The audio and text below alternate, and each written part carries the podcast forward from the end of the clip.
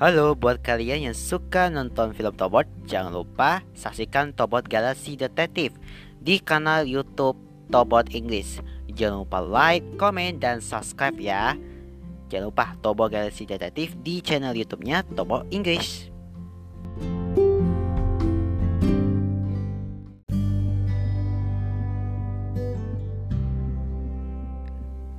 Di season 2 kali ini kita akan tampil dengan lebih beda, lebih baru, dan lebih seru Menceritakan sebuah pengalaman kisah di Bali Tyler dan peristiwa.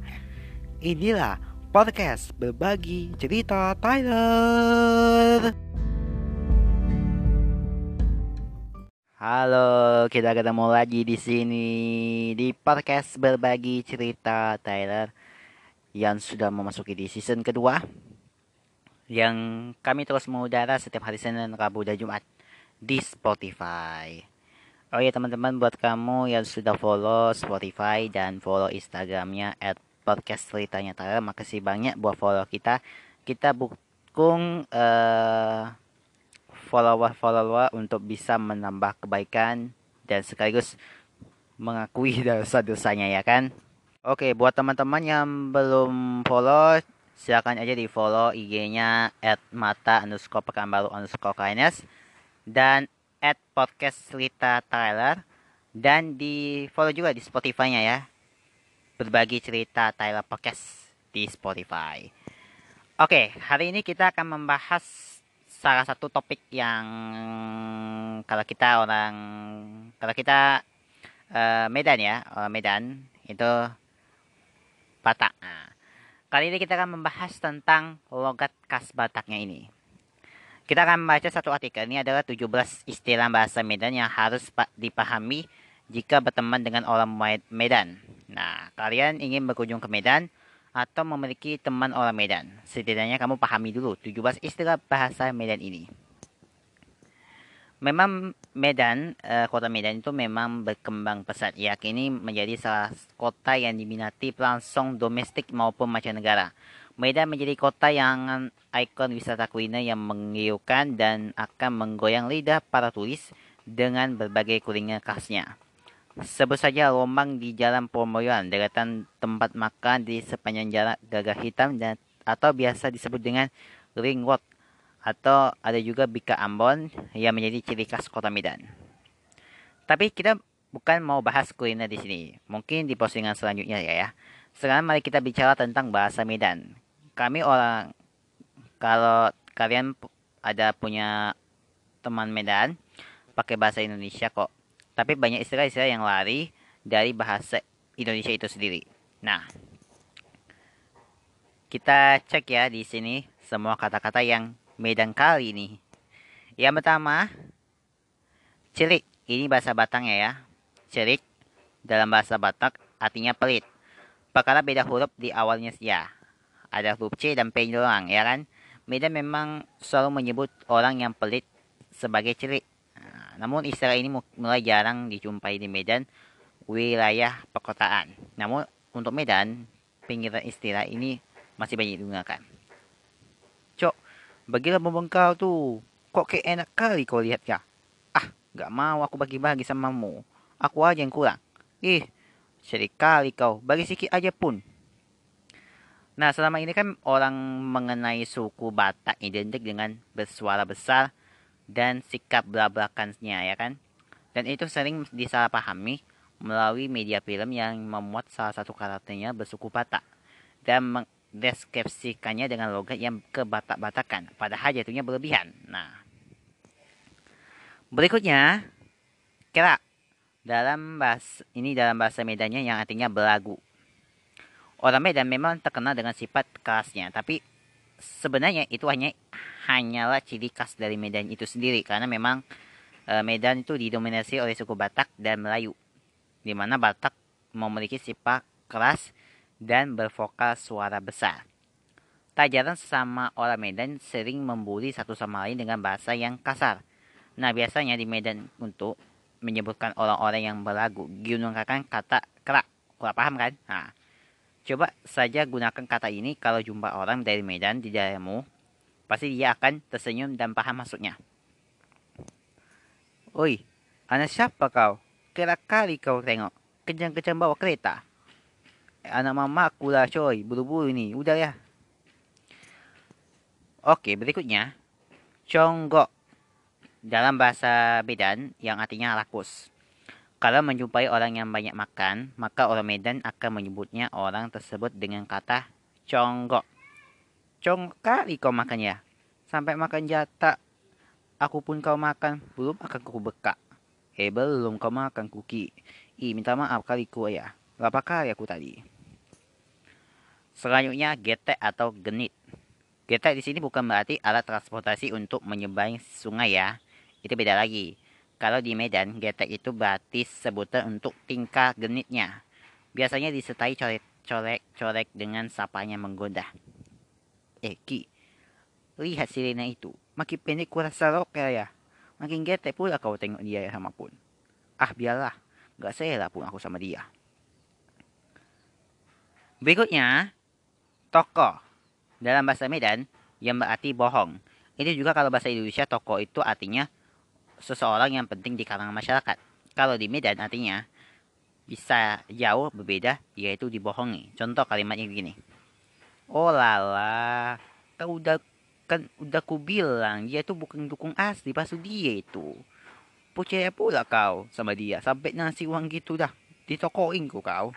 Iya, sia kali aku lah.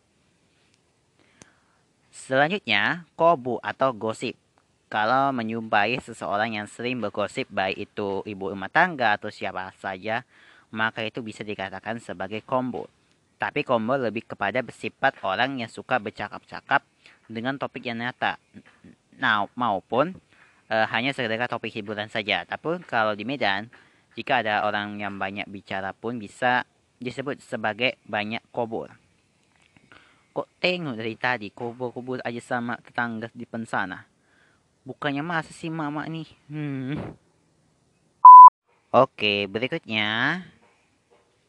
Ini logat orang Medan ya kali ya ya. Uh, berikutnya SKT. Artinya itu tidak berteman lagi. Entah kalau bukan kalau di daerah lain namun orang Medan menyebutnya tidak berteman lagi dengan kata SKT jadi semisal ada dua orang yang berteman sedang berselisih hingga e, memutuskan untuk tidak berteman lagi dan nambek marah terhadap temannya maka si kata si ekesek lah yang keluar dari mulutnya. SKT kita lah.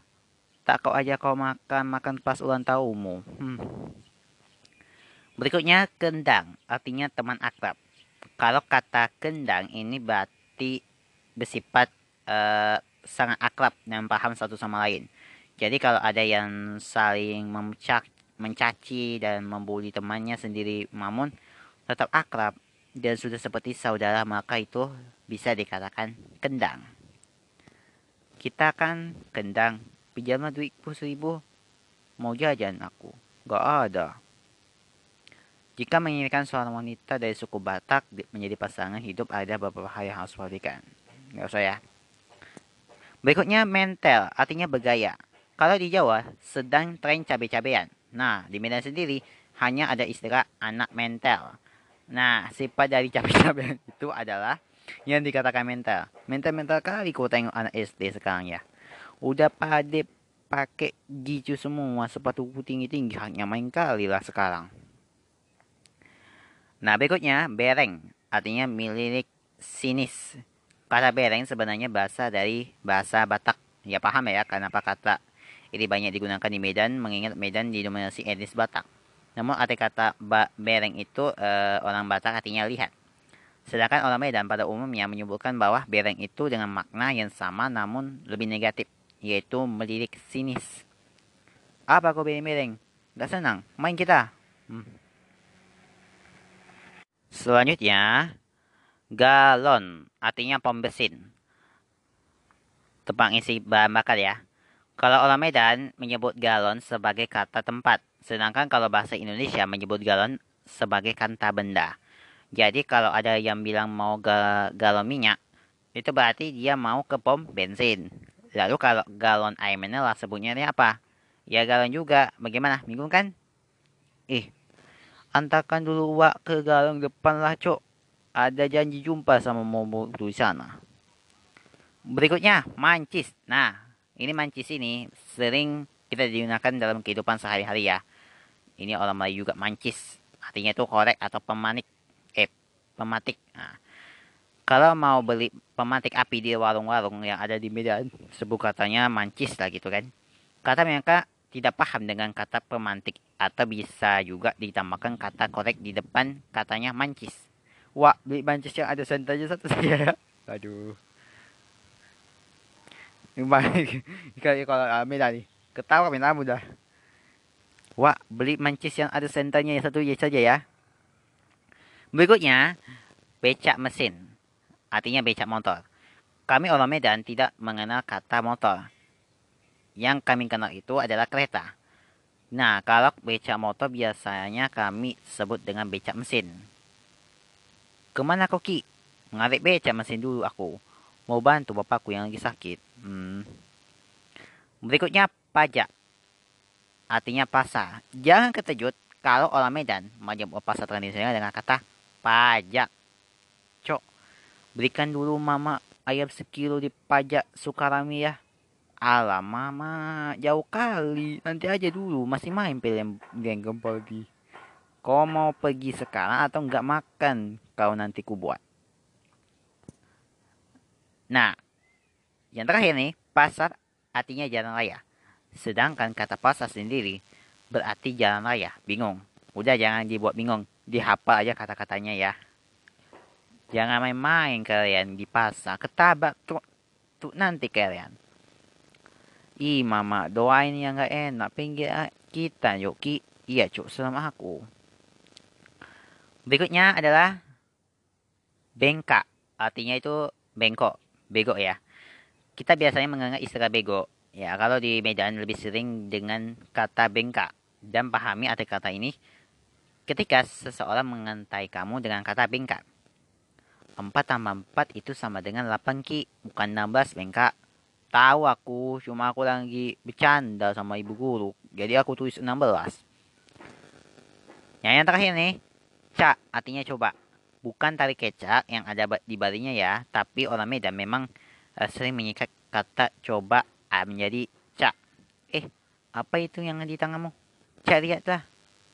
Nah sudah mengerti kan karena di, jika dijelaskan melalui rangkaian kata memang tidak agak sulit dimengerti. Atau kalau orang Karo bilang lap ketarik pal. Tambahan lagi ada bahwa orang Medan juga selalu mengubah kata yang berakhir fuka ai menjadi e. Contohnya pantai itu pantai, cabai, cabe, sungai, sungai. Lalu orang-orang Medan kalau selalu dengar kasar dengan diakhiri dengan perkenalan kosakata kak. Sehingga semua kata akan diotomatis berakhir kosongan kak. Contohnya, gigi, gigi, ah, pula, pula. Dan hal terakhir buat kawan-kawan yang berkeinginan untuk berkunjung ke Medan atau memiliki teman orang Medan, jangan terkejut dengan vokal kami yang berbicara seperti berbentak-bentak. Memang sudah seperti itu dari sana. Tidak berusaha lagi berubah. Pahamlah kalian? Nah, Oke, kalau tadi kan kita sudah membahas tentang logatnya khas orang Medan atau Batak. Kali ini kita akan geser lagi ke sedikit pembahasan yang begitu berbeda karena ada beberapa hal yang perlu kamu ketahui. Ini berkaitan dengan kelainan dan gangguan pada kulit. Yang pertama, biduran. Nah, apakah kamu pernah mengalami biduran ini? Nah, biduran disebabkan oleh udara dingin, alergi makanan, dan alergi bahan kimia. Biduran ditandai dengan timbulnya bentol-bentol yang tidak beraturan dan terasa gatal. Bindual dapat berlangsung beberapa jam dan dapat juga berlangsung berhari-hari. Jika penyakit ini disebabkan oleh alergi, maka cara pekerjaannya adalah dengan menghindari bahan makanan atau produk kimia yang menyebabkan alergi.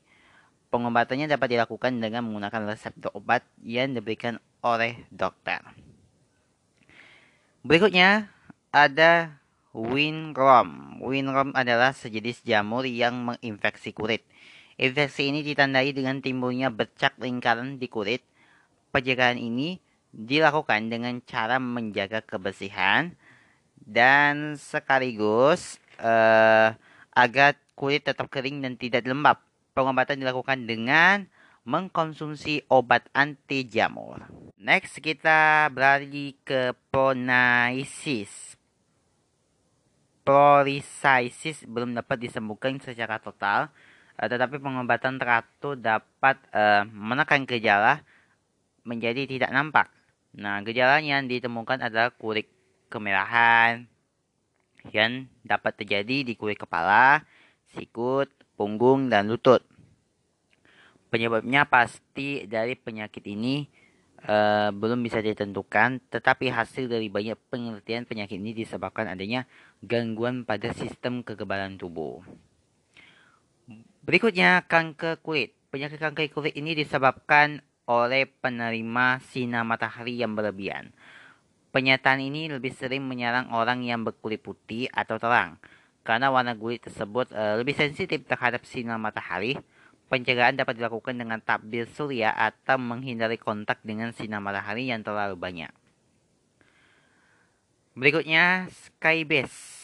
Space ini disebut juga celiacs. Penyakit tersebut disebabkan oleh parasit insekta yang sangat kecil dan dapat menular pada orang lain. Berikutnya, estim. Estim merupakan penyakit kulit yang akut dan atau kronis. Penyakit tersebut menyebabkan kulit menjadi kering, kemerah-merahan, gatal-gatal, dan bersisik. Selanjutnya jerawat. Nah, kalian pernah nih ya namanya mengalami jerawat pada masa uh, remaja ya. Jerawat merupakan gangguan umum yang bersifat kronis pada kelenjar minyak. Jadi penyakit tersebut umumnya dialami oleh anak-anak masa remaja. Jerawat biasanya menyerang bagian wajah, dada atas, dan punggung. Bekas jerawat dapat menimbulkan bo bopeng, Pemicitan jerawat secara tidak benar perlu kamu hindari, sebab hal tersebut bisa menyebabkan infeksi. Cara pencegahannya timbulnya jerawat yang paling mudah yaitu makan makanan yang seimbang,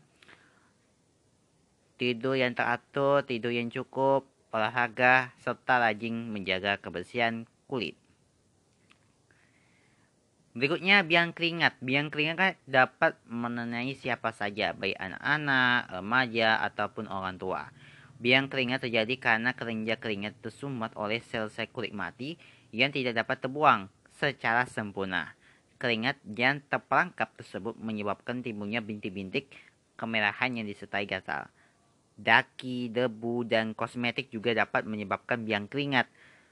Orang yang tinggal di daerah tropis yang kelembapannya tidak terlalu tinggi akan lebih mudah uh, terkena biang keringat. Biasanya anggota badan yang terkena biang keringat itu daki, leher, punggung, dan dada. Agar kamu tidak terkena biang keringat ini, aturlah veritasi ruangan dengan baik. Selain itu, jangan berpakaian yang terlalu tebal dan ketat. Namun, jika kamu sudah terlanjur terserang biang keringat, taburkan bedak di sekitar biang keringat itu. Apabila bintik-bintik yang keringat sudah mengeluarkan nanah atau darah, sebaiknya kamu segera periksa ke dokter.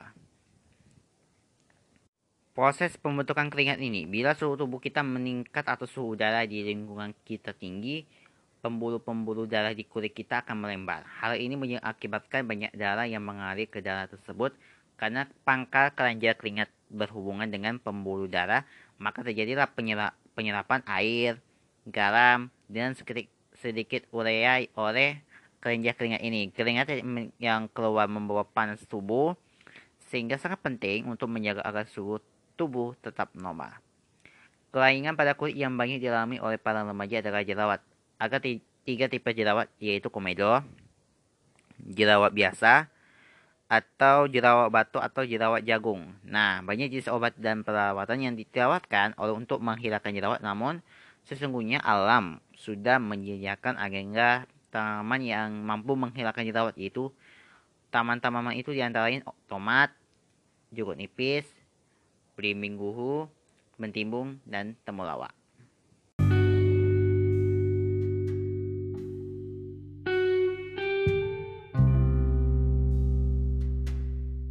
Berbagi cerita Tyler hanya di Spotify.